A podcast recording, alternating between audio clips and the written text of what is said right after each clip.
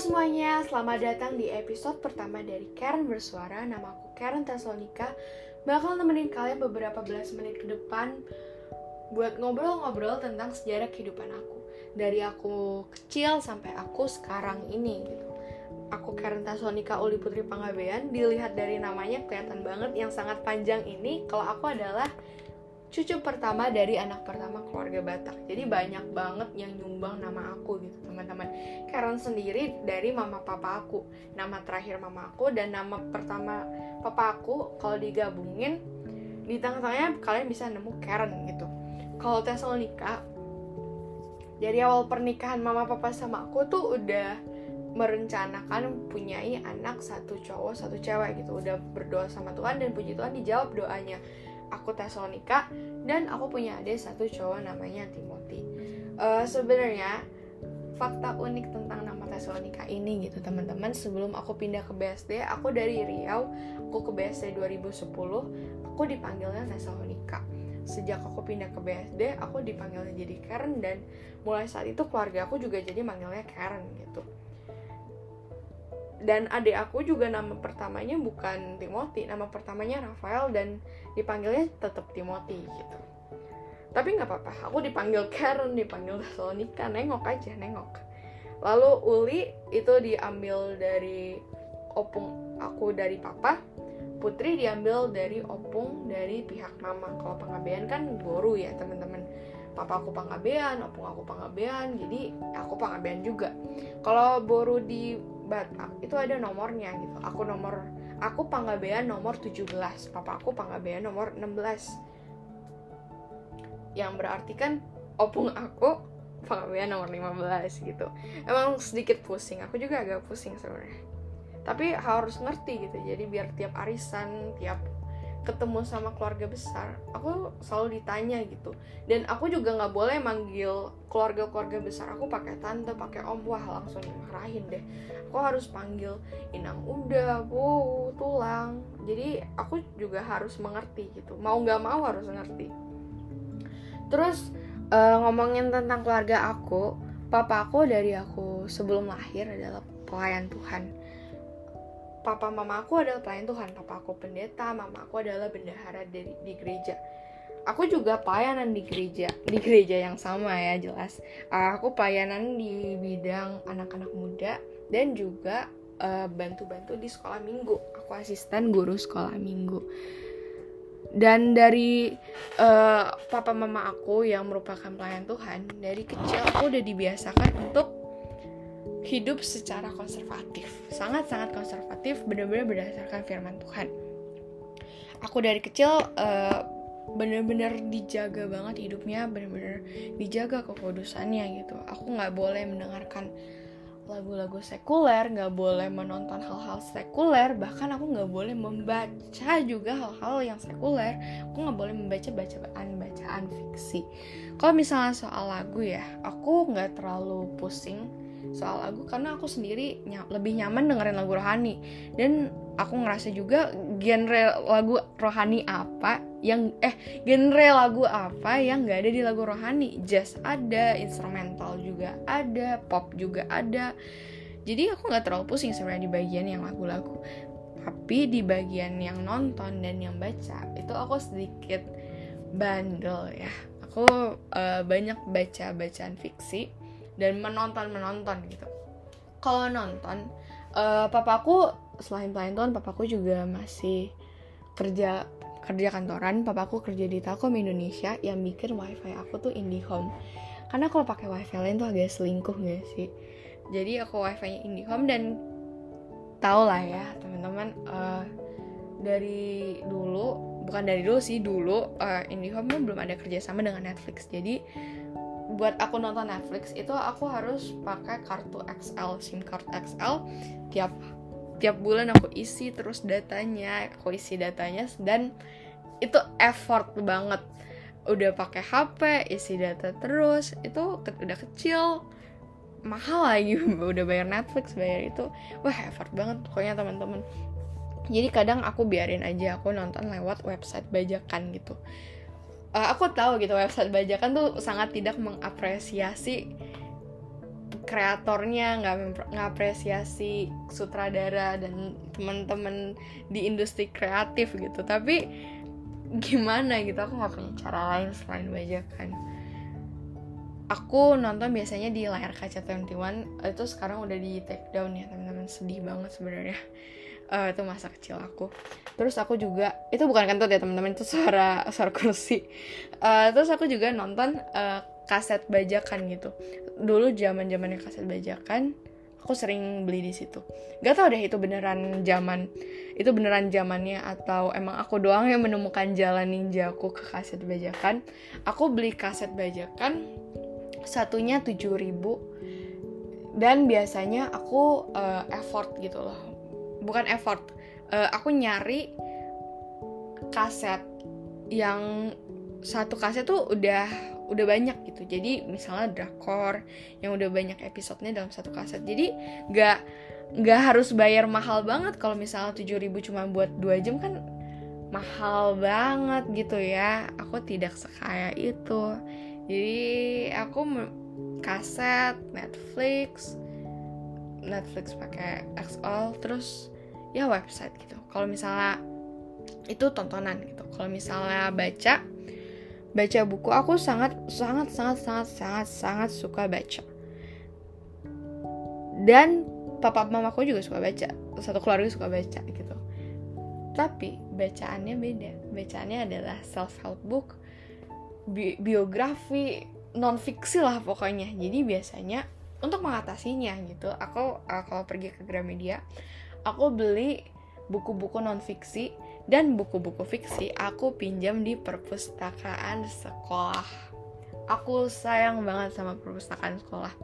Sampai aku deket banget sama perpustakawannya sampai setiap kali uh, aku inget banget gitu di SMA uh, eh, aku deket sama perpustakawannya sampai uh, gurunya tuh nanya uh, Miss mau beli buku nih kamu ada mau nitip buku enggak wow itu kan request gitu kan. Aku boleh aku request beberapa buku gitu kan. Waktu itu aku tulis beberapa judul buku yang ada di perpustakaan sekolah yang aku tertarik buat baca dan uh, beneran dicari gitu beneran dicari dan ada beberapa yang dapat dan ada juga yang enggak gitu. Tapi sedihnya sekarang udah dikarantinakan ya kita udah nggak bisa minjem buku sekolah lagi satu hal yang benar-benar aku kangen dari sekolah adalah perpustakaannya gitu. Aku rajin banget minjem buku kan ada jangkanya ya tiap tiga hari boleh pinjam lagi tiga hari tiga hari tiga hari. Itu aku selalu datang ke perpustakaan.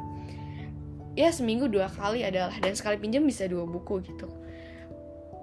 Dari SD sampai sebelum karantina itu perpustakaan jadi tempat favorit di sekolah dan uh, itu adalah cara-cara uh, mama papa aku buat menjaga kekudusan aku, menjaga prinsip-prinsip dan komitmen aku buat terus sesuai dengan firman Tuhan.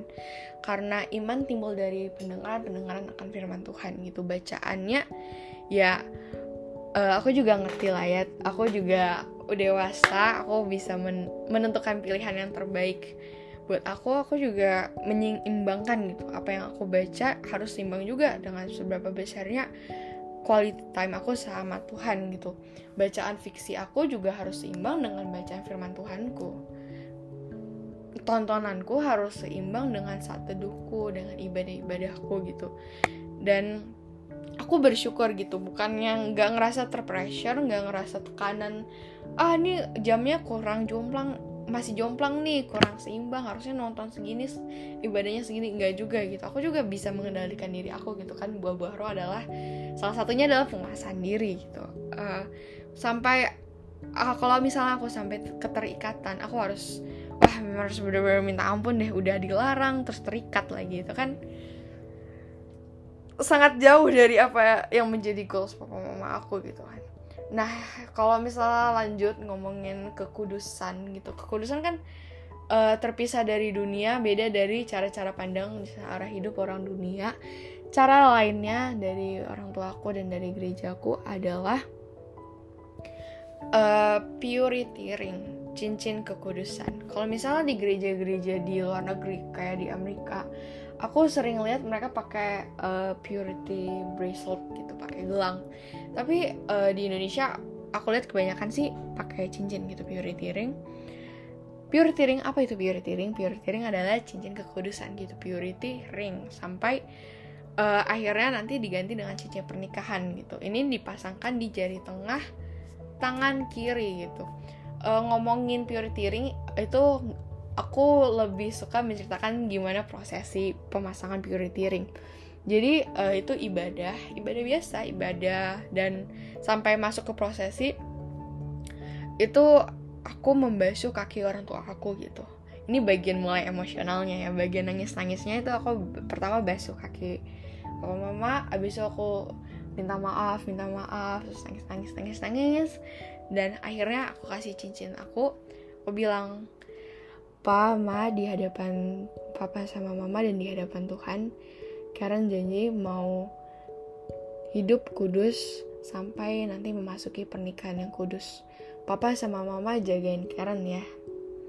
Tuh dan papa mamanya papa mamanya pihak orang tuanya biasanya membalas uh, iya gitu. Papa sama mama bakal jagain Karen sampai Karen memasuki pernikahan yang kudus. Papa sama mama bakal terus doain Karen terus topang Karen sampai nanti uh, Karen masuki pernikahan yang kudus gitu nangis nangis nangis nangis dan akhirnya dipasangkan dan nanti saat udah di pernikahannya nanti ditukarkan dengan cincin pernikahan nanti aku uh, ngomong gitu ke orang tua aku Pak, Mama makasih ya udah jagain hidup Karen, udah terus doain Karen sampai hari ini Karen udah memasuki pernikahan yang kudus gitu. Itu momen paling emosional sih. Uh, dan itu beberapa bagian, beberapa kisah dari hidup aku soal uh, hidup aku dan keluarga aku di dalam kekristenan gitu, dalam persoalan persoalan kekristenan gitu. Karena uh, aku masih punya banyak cerita-cerita lucu sebenarnya. Kayak papa aku papa aku kan uh, termasuk uh, inti gereja gitu bukan gembala tapi termasuk inti. Jadi karena aku adalah pelayan Tuhan juga gitu di anak-anak muda di bagian sekolah minggu. Aku selalu ketemu gitu dengan papa aku di gereja. Kayak kalau ada konsultasi apa uh, minta pembicara apa dan segala macam mintanya ke papa gitu. Dan kalau ke mama aku kalau misal ngajuin proposal dana ngajuin rembes uang gitu tuh ke mama gitu. Dan ya gitu bersama keluarga aku aku melayani Tuhan banyak cerita-cerita lucu gitu nggak cuman yang bagian ekstrim-ekstrim dan emosionalnya aja gitu. Ya aku bersyukur gitu uh, dibesarkan dengan cara seperti ini aku nggak komplain. Itu membangun iman aku membangun pengharapan aku dan aku bersyukur gitu punya orang tua yang mendasarkan semuanya ke firman Tuhan. Karena setiap kali uh, aku ngerasa kayak kok kayak gini? Kok kayak gitu? Pasti mama papa aku bilang ini papa mama nasihatan kamu bukan karena ego mama sama papa tapi karena emang firman Tuhan berbicara seperti itu. Ya menempatkan firman Tuhan sebagai hukum yang terutama dan yang paling utama sebagai fondasi hidup aku dan keluarga aku gitu. Puji Tuhan gak kerasa udah lama banget ya ngomong ngomong udah 13 menit. Aku sebenarnya suka ngomong gitu teman-teman. Aku punya podcast namanya Totole Talk Talk Sore. Itu aku sama temen aku berdua. Makanya uh, aku sebenarnya terbiasa ngomong. Aku punya interpersonal communication yang cukup cukup apa ya bukan yang mau sombong tapi emang cukup baik gitu. Aku di gereja juga dipercayakan jadi MC di jadi pembicara. Di sekolah lama aku juga banyak dipercayakan jadi MC gitu.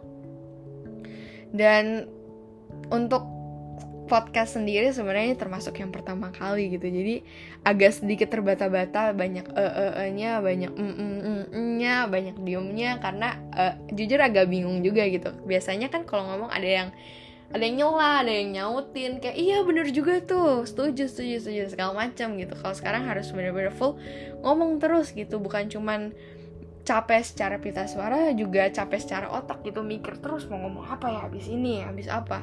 Dan aku eh, nggak uh, nggak pakai skrip agak nekat sebenarnya. Cuman uh, aku udah siapin beberapa poin-poin yang bakal aku bicarain ini dikit banget sebenarnya poinnya cuma 4 gitu.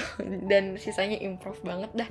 Poinnya udah cuma 4 itu bukan yang satu paragraf satu paragraf gitu. Poinnya bener-bener cuma tiga kata. Nanti ngomongin ini habis itu ngomongin itu ngomongin itu. Jadi sorry banget kalau misalnya di episode pertama dari Karen bersuara ini itu kurang menyenangkan didengar ya kurang enak didengar gitu. Semoga uh, kisah hidup aku bisa menjadi berkat buat teman-teman semua bisa menjadi inspirasi juga. Inspirasi enggak juga. Semoga bisa jadi pelajaran aja sih kayak apa yang aku dapetin diolah gitu aku salah di mana terus ya dilakukan yang benernya di mana gitu. Karena tidak semua bagian dari podcast ini menginspirasi ya kayaknya kebanyakan cuman cerita tidak jelas. Oke okay, uh, eh, terima kasih teman-teman udah dengerin sampai jumpa di episode Karen bersuara berikutnya. Dadah Tuhan Yesus memberkati